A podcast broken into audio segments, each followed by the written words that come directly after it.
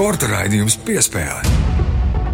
Esiet sveicināti Latvijas radio pirmā kanāla klausītāji. Sporta raidījums piespēle atkal ciemos pie jums, un kā ierasts pie mikrofoniem Mārtiņš Kļavnieks un Mārs Bergs. Sveiks, Māri!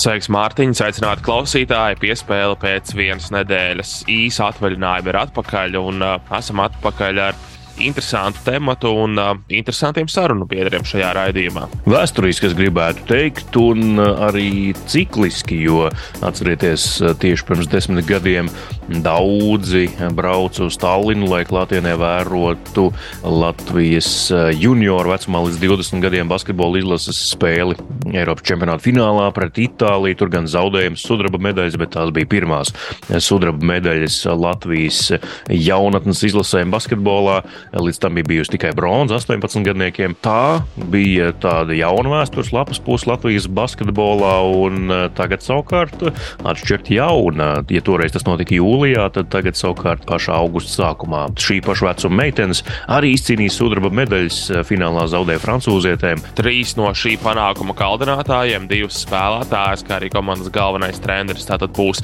studijā raidījuma turpinājumā, tāpēc e, arī lieki nekavēsimies un uzreiz ķeramies klāt nedēļas topam. Arī tur mums pietiekami daudz par ko runāt šoreiz. Sporta raidījums piespēle ķeramies klāt ikdienas spilgtākiem notikumiem, un eh, viens no tādiem notika pirms divām dienām, tepat Rīgā, blakus radiomājai, Doma laukumā.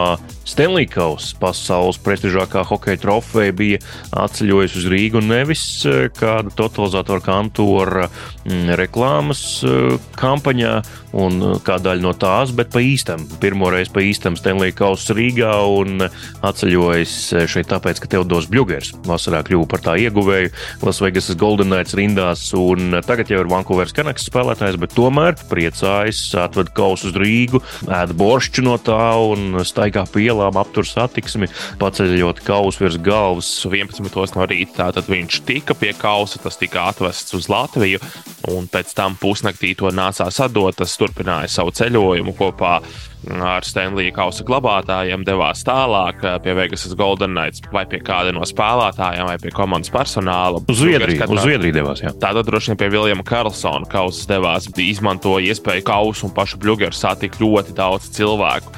Rinda no Rīgas biržas, nu, ja apmēram varat iztēloties, kāds ir doma laukums un šis vecs Rīgas izkārtojums, tad no Rīgas biržas ieejas līdz pat saimas namam stiepās rinda, un tas bija pusotru stundu pēc pasākuma sākuma. Cerams, ka jau drīz drīzumā atkal kāds latviečs kļūs par Stanley kausa ieguvēju, bet mēs savukārt liekam punktu šai top pieturvietai un dodamies pie nākamās.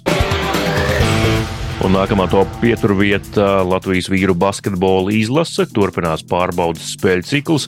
Puse no paredzētajiem mačiem aizvadīta un vakardien Latvija Dominikāna klātienē gan arī 10 tūkstošu skatītāju. Ķirsīts uz tortes, protams, Latvijas komandas uzvar tiesa bez tādām trim galvenajām tortes sastāvdaļām - Kristapa Porziņa, tāpat arī Dāvija Bērtāna un Jāņa Tīmas joprojām. Katrā ziņā nevarētu teikt, ka treneri vai paši spēlētāji būtu ļoti apmierināti par to, kas tika parādīts spēlē pret Dominikānas republiku. Gan Andrzejs Pasačņīgs, gan Andrejs Gražulis sarunās atzina, ka ir pārāk daudz tādu paviršu kļūdu. Nevis vienkārši kļūdu. Basketbols bez kļūdām nav iedomājams. Kļūdas būs vienmēr, bet tādu paviršu kļūdu, un to ļoti labi var redzēt laukumā. Viens savainotais, kurš līdz šim sēdēja laukuma malā, iesaistījās spēlē un ļoti labi kļuva par vienu no rezultatīvākajiem 11 punktu Andrzejam Pasačņīgam. Mišņikam. Viņam tātad bija problēmas ar Ahilēju, gaidām atpakaļ, vai pirmreizēji, precīzāk, laukumā pārbaudas spēļu ciklā arī Krista Porziņa, Dāva Bartāna un Jāna Tīmanu. Dāvs Bartāns sacīja, ka viņš visticamāk spēlēs jau pret Somiju, tātad pēdējā pārbaudas spēlē Rīgā pirms došanās uz Āziju, nu, ja nekas nenoies greizi. Par Porziņu un Tīmu pagaidām īsti skaidrības nav.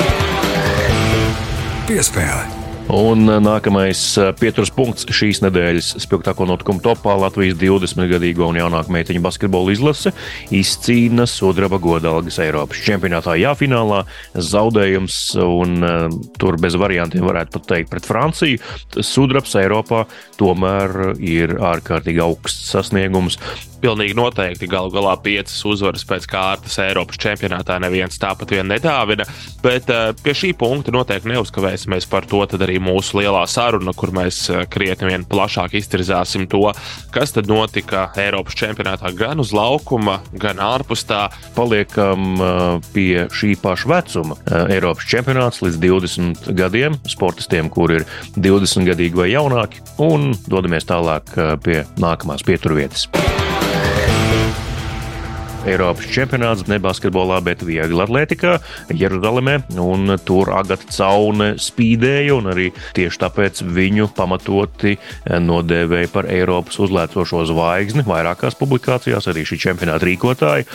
Jā, zelts gan 3000, gan 5000 metru skrejienā, turklāt 5000 metros gan personīgais, gan arī šī čempionāta rekords, tas ir ļoti daudzināmi, un mums nu dien aug jaunā cerība Latvijas vieglatlētikā. Jā, nu katrā ziņā Agata šos abus čempionu titulus izcīnīja nevis vienkārši, bet ar ārkārtīgi lielu pārsvaru. 3000 metros 28 sekundes, arī 3000 metru skrējienā tas ir liels pārsvars. Tas, protams, nav sprints, kur visu izšķir simtdaļas, bet 28 sekundes tas ir milzīgs pārsvars, un 5000 metros 45 vai 46 sekundes tas ir gandrīz vesels aplis priekšā otrajai vietai. Gandrīz nav gluži pilns aplis aplis.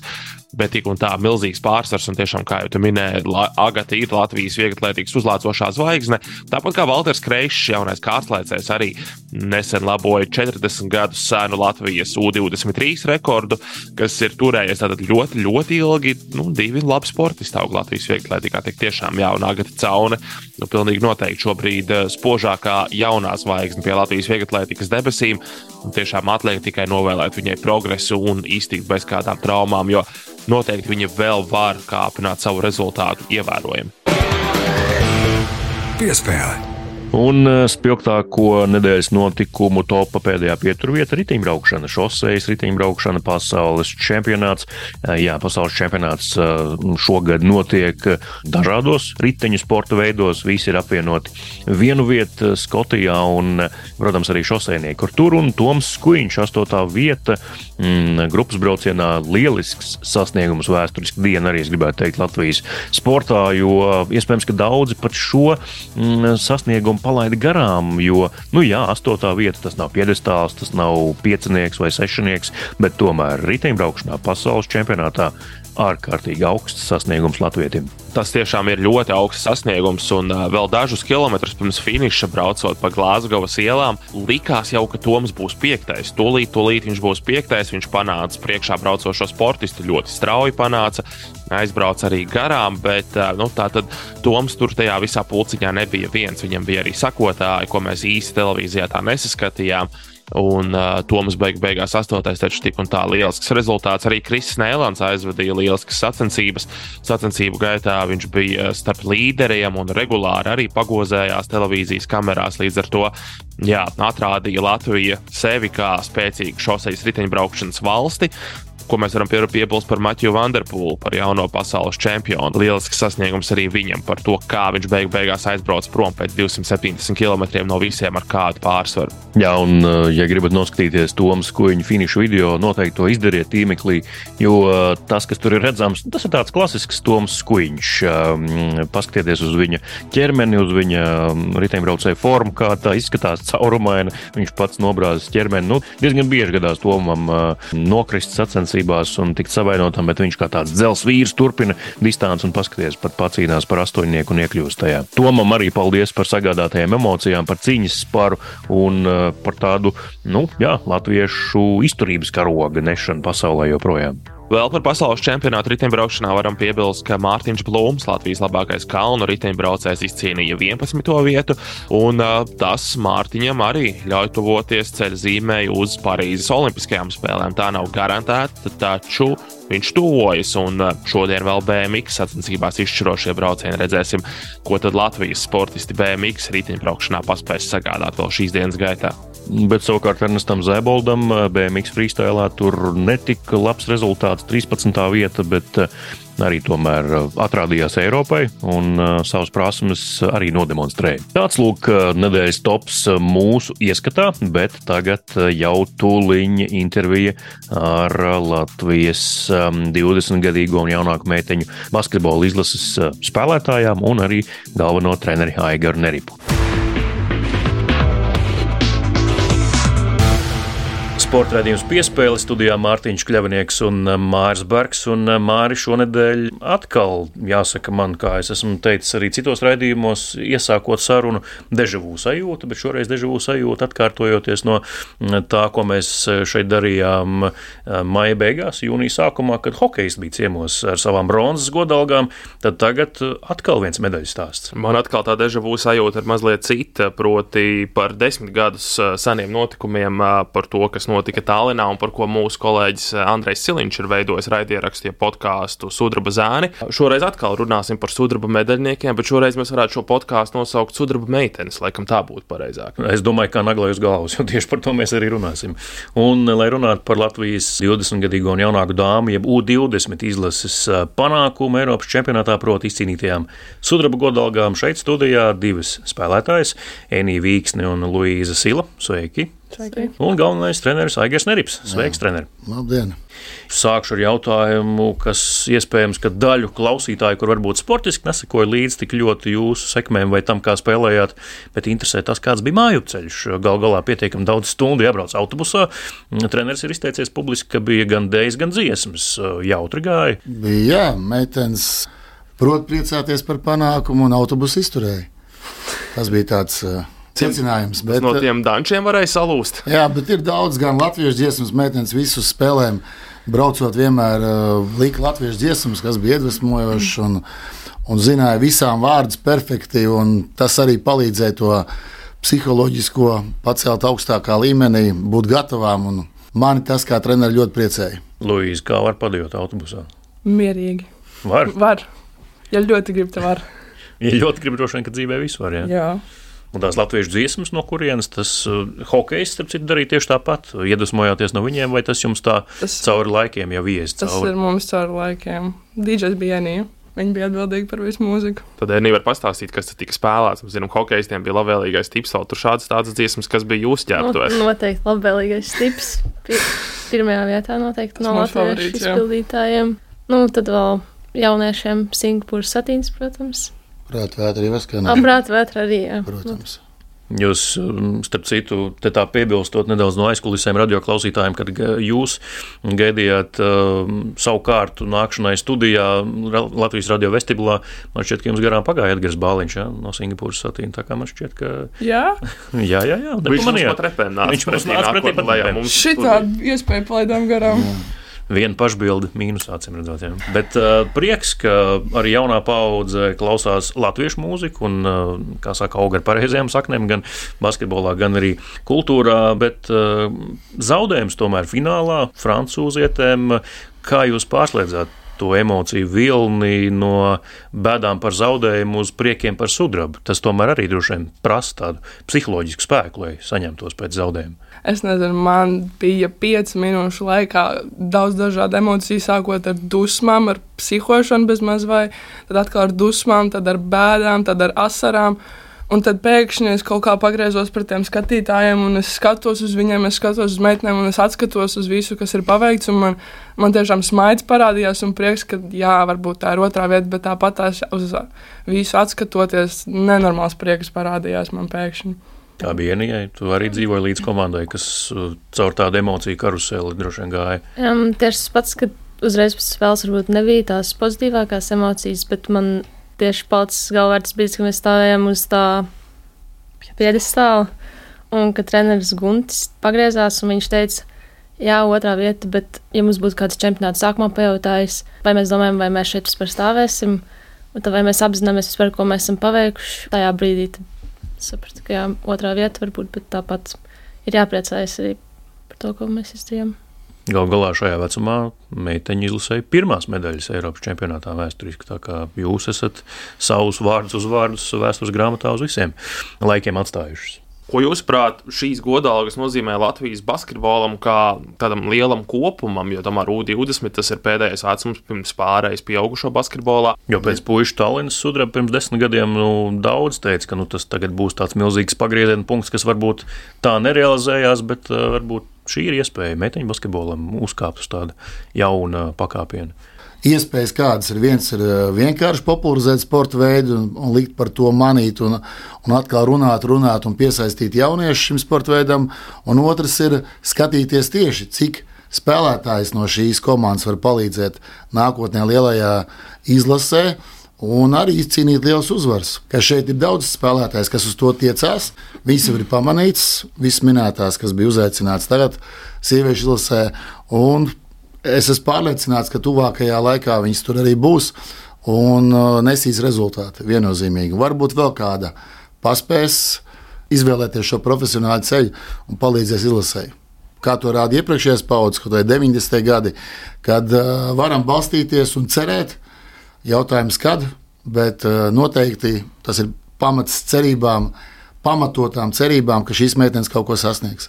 Vaicāšu meitenēm, eh, kas varbūt ieskicēs arī to, ko treneris tikko teica, jūsu kā jauno basketbola spēlētāju, kādi ir tie lielie mērķi, un kas tagad jaunajām basketbolistēm ir tas lielais, uz ko tiekties. Tas ir sieviešu NBA, tā ir Eirolīga, tas ir varbūt TTT vai ASV koledža, un kas ir tas sākotnēji pirmais un varbūt tas vislielākais.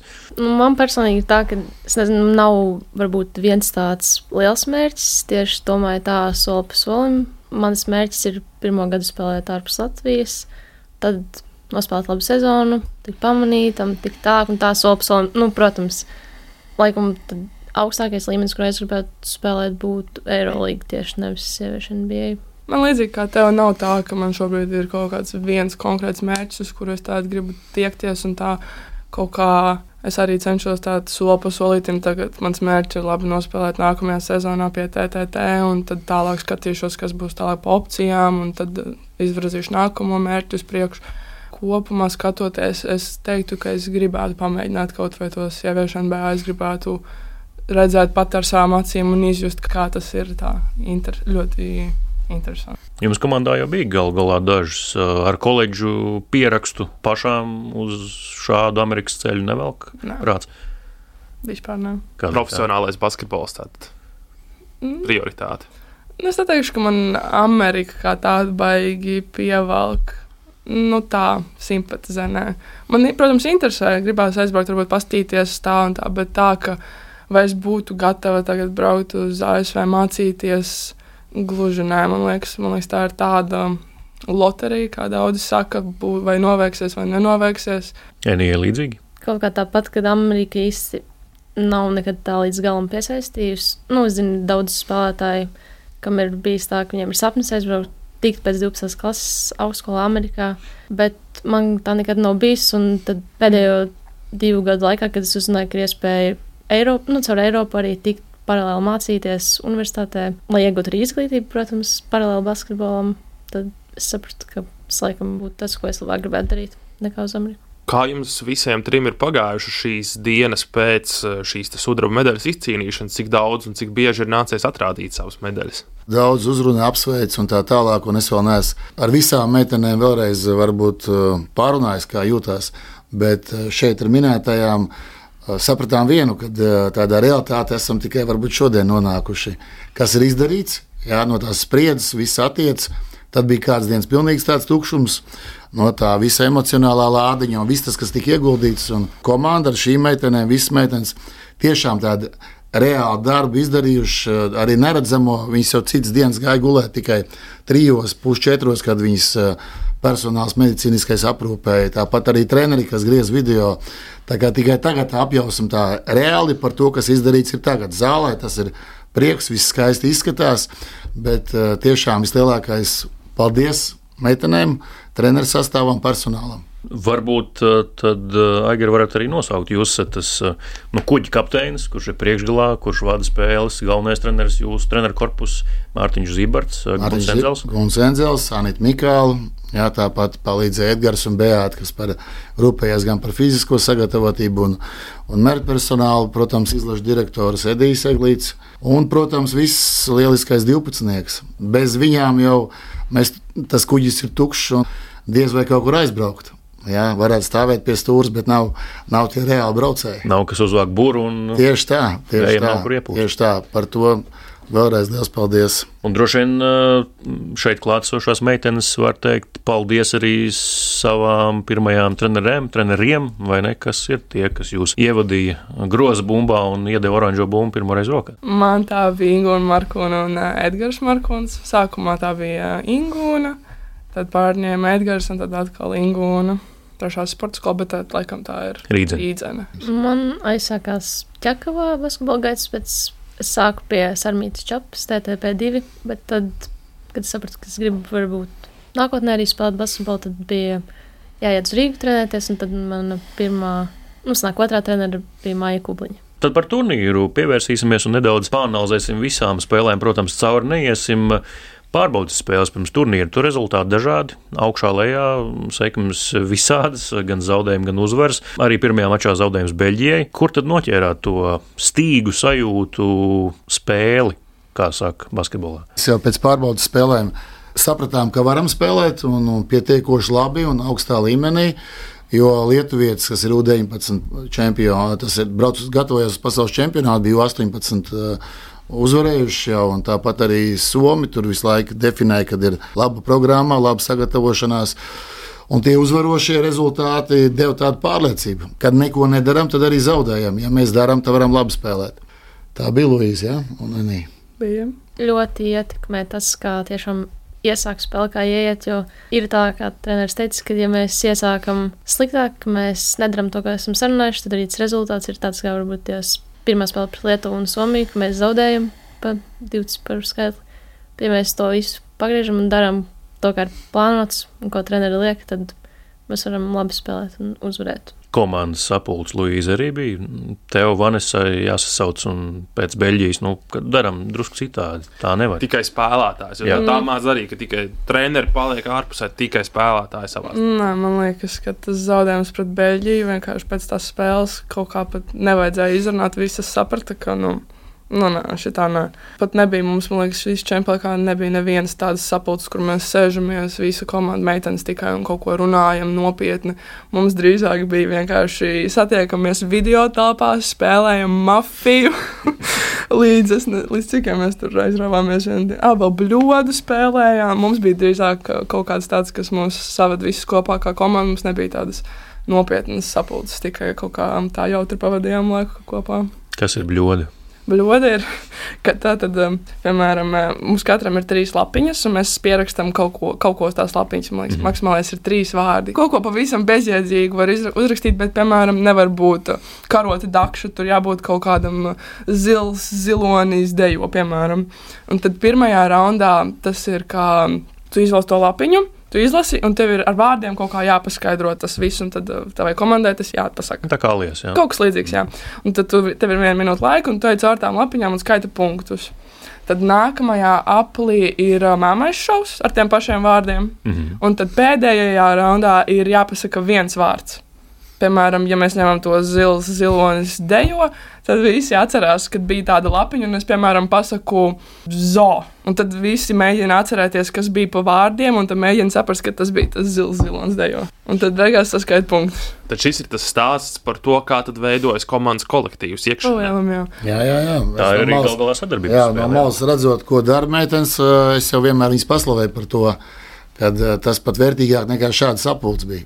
Jā, tas, tas liecina, ka viņas visas kopā ir saprotās ar vārdiem, ar žestiem un tā tālāk. Tās bija ļoti pozitīvas psiholoģiskas lietas, skatoties no, treneru puses. Bet jums kā trenerim nebija jau tā, tāds viens brīdis, kad tā meitenes viss pietiek, iet gulēt rītdienas spēlē. Šeit viss bija normas robežās, kā es teicu.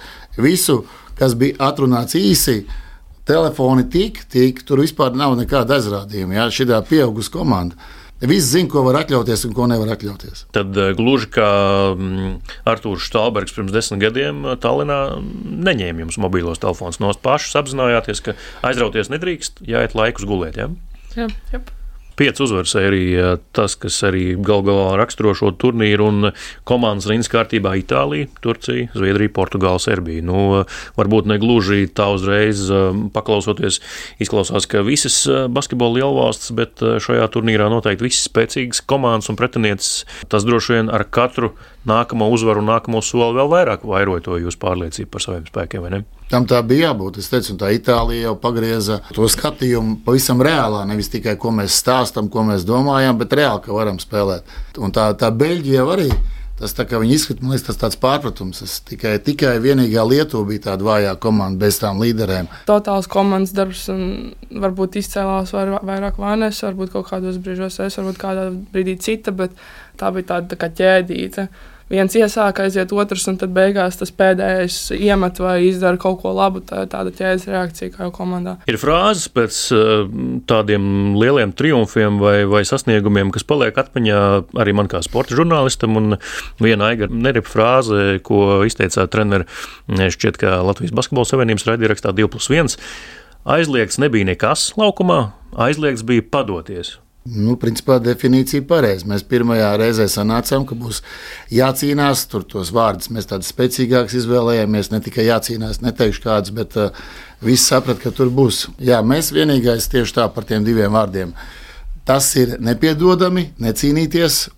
Un neoperēties komandas labā. Tāda viņa es arī cerēju noturēt. Viņas arī noturējās tādu viņu. Un tas bija pirmais treniņš, kad Tas jau bija treniņš nolikāt noteikums uz galda. Būs šādi. Jā, jā, nerunājām, ko mēs varam izcīnīt, bet uh, kādā veidā tas būs jāizdara. Bet tāda runāšana par mērķiem, nu, komandā mēs tagad sanākam uz nometni. Nu, tagad mēs jau definēju, kad nebija nevienu brīdi tāds vārds, ka tagad mēs iesim, izcīnīsim, un tas mums ir mērķis. Nē, nē.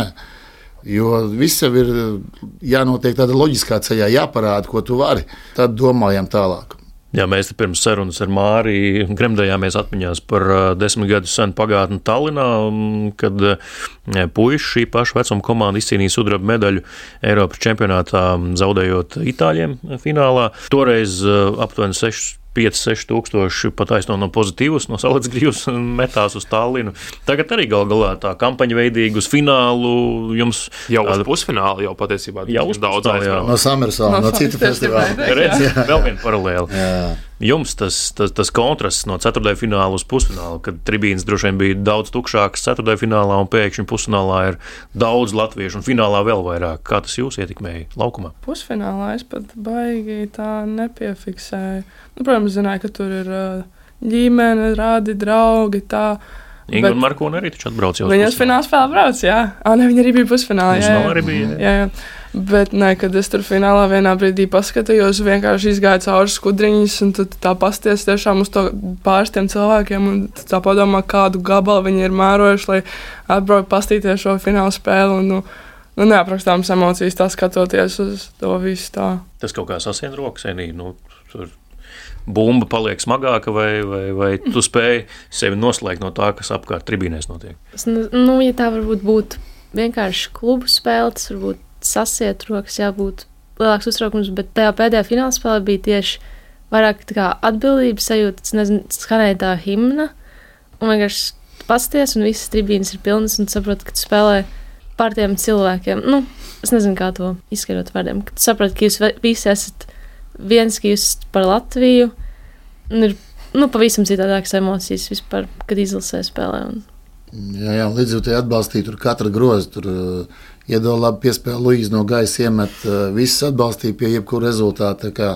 Paldies arī tiem līdzjutējiem un ģimenēm, kas atbrauc. Jā, nu labi, Klaipēda varbūt nav nemaz tik tuvu, bet labāk Klaipēda nekā, kā, piemēram, tagad U16 puišiem Skopjā jācīnās. Tur būtu Jā, grūtāk aizlidot. Nostūris, jā, tāls, tāls. Lai gan latviešu līdzjutēji un sporta līdzjutēji īpaši noteikti atrastu veidu, kā nokļūt kaut vai nezinu, Gambijā vai, vai kaut kur vēl tālāk. Bet, jā, nu, katrā gadījumā tā mēs varam aptuveni sarunas gaitā rezumēt šo lielisko panākumu sudraba godalgas Eiropas U20 čempionātā Latvijas meiteņu izpildījumā. Es jau gribēju treneri parunāt ar jums par sistēmu kā tādu. Nu, tas, ko arī līdzekļi noteikti ir pamanījuši, ka jauniešu, arī junioru komandu, šo U komandu treneri mainās vajag gadu. Un tad Latvijas Basketbola Savienība nozīmē jaunus galvenos trenerus, tie izvēlas savus palīgus. Vai nebūtu labāk, ja būtu tomēr viens galvenais treneris, kurš vairākus gadus strādāt ar vienu un to pašu vecumu? Jā, par šīm tēmām ir ilgstošas diskusijas. Šādi tad šis pamainās, bet pagaidām strādā tas modelis, ka visi iesniedz, visi kandidē, tad izvēle. Bet par šo otru modeli, ko minēja, ir diskusijas un iespējams atsevišķos gadījumos arī tiks pieņemts dažādas izmaiņas. Kādas priekšrocības tas varētu dot? Kas nu, jā, labāk darboties vai notikt? Teiksim, tāda viena priekšrocība vismaz pēc manām izvēlēm.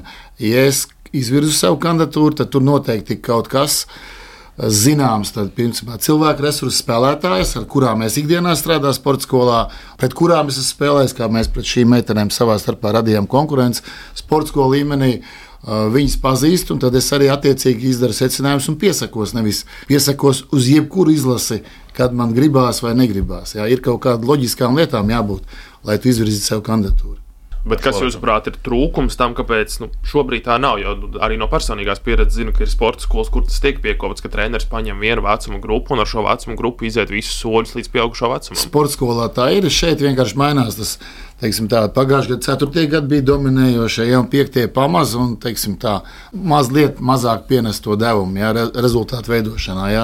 Šogad 3. un 4. šeit varbūt ir tās nianses, kur kādēļ mainās tie treneri. Viens strādājis ar to grupu vairāk sasniedzis, otrs ar to grupu.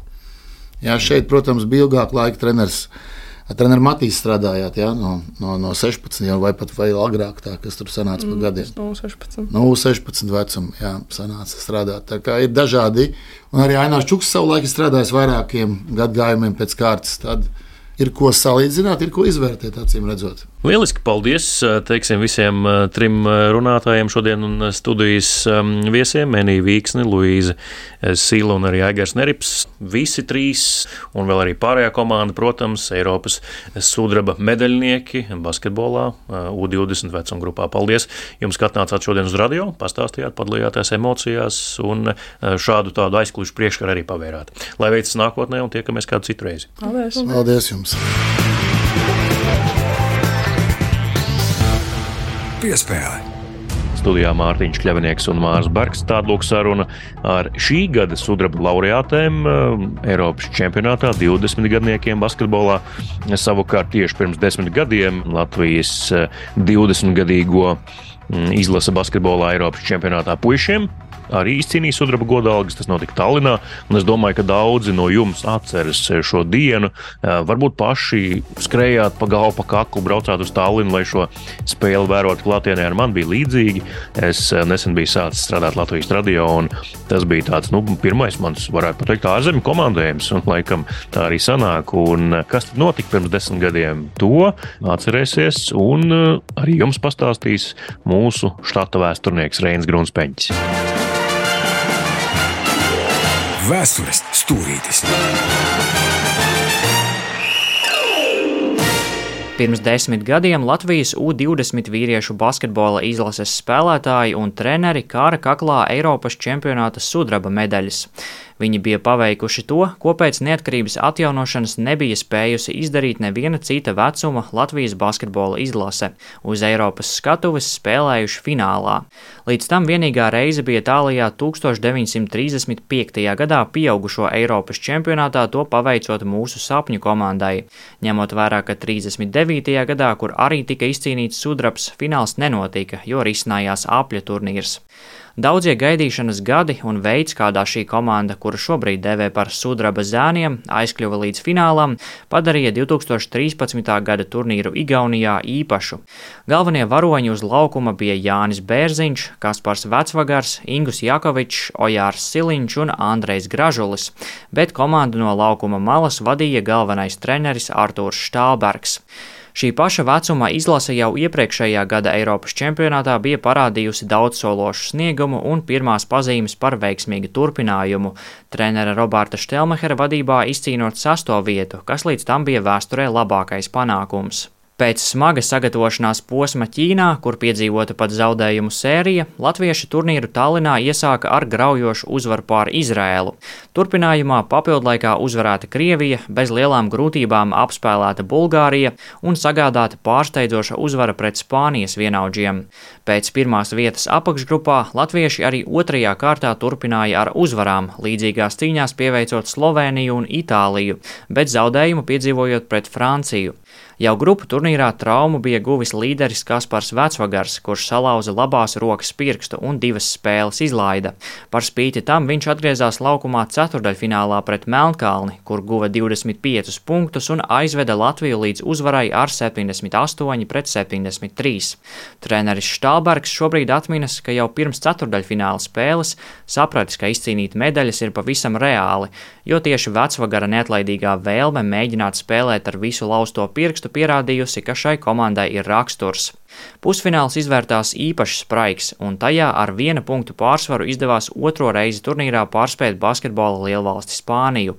No tās spēles atmiņā labi palicis Jāņa Bērziņa caurgājiens un iespaidīgais bumbas trieciens grozā no augšas 4. ceturdaļā.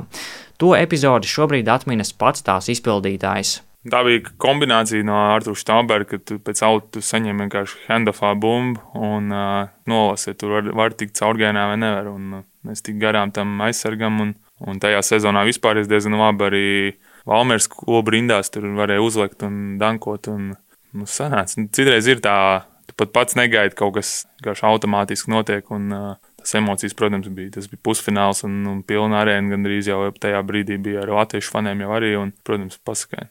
Uz pusfinālu tribīnēs bija ieradušies 3000 skatītāju, bet finālu, kas notika svētdienas vakarā, klātienē Saku Surhala arēnā noraudzījās 6800 līdzutēju.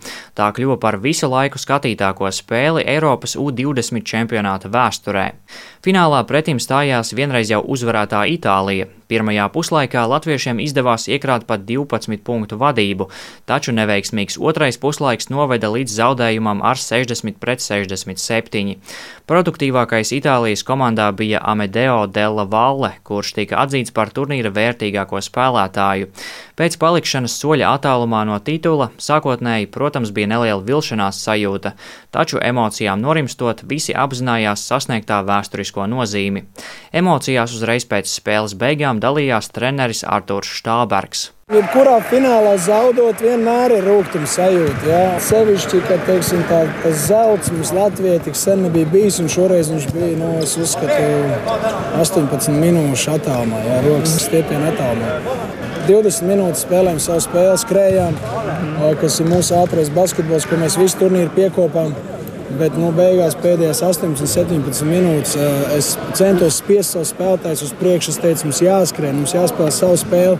Es redzu viņa, viņa acīs, ka viņi grib, viņi saprot, bet kājas nekustās. Vienkārši ja, nu, nu, pietrūkst spēku. Es domāju, no šī brīža Latvijas basketbolam es gribu to un es ceru, ka tā būs, ka sāksies jauns periods un sāksies augšupēji. Ja?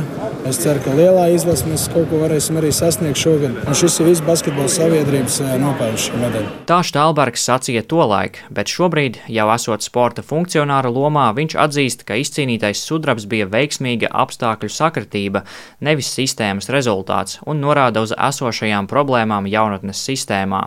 Katru spēlētāju tālākie karjeras ceļi veda dažādi, bet divi no šīs komandas, Andrejs Gražulis un Toms Leimanis, šobrīd cīnās par vietu sastāvā gaidāmajā pasaules kausā. Vēl plašāku analīzi un to, kā šajā panākumā iesaistīto cilvēku dzīves izvērtušās, ir iespēja dzirdēt kolēģa Andreja Siliņa gatavotajās intervijās podkāstā Sudraba zēni, gatavojoties jau pavisam drīz gaidāmajai Latvijas debijai pasaules kausa fināla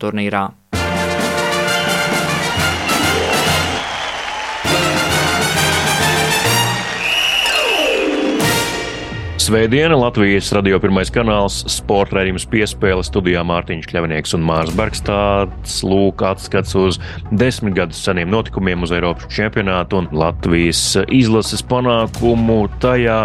Savukārt šobrīd divi no šīs komandas, kā jau Reinis sacīja, Andrejs Gražulis un arī Toms Leimans cīnās par vietu pasaules kausa komandas 12. Nu, cerams, ka abiem viņiem tas arī izdosies. Tas būs vēl viens labs kompliments kompliments tieši šai konkrētajai komandai, kad divi no tās tikuši arī uz pasaules kausu un veido sesto daļu no komandas pasaules kausa debijā. Bet redzēsim, vai abiem tas izdosies.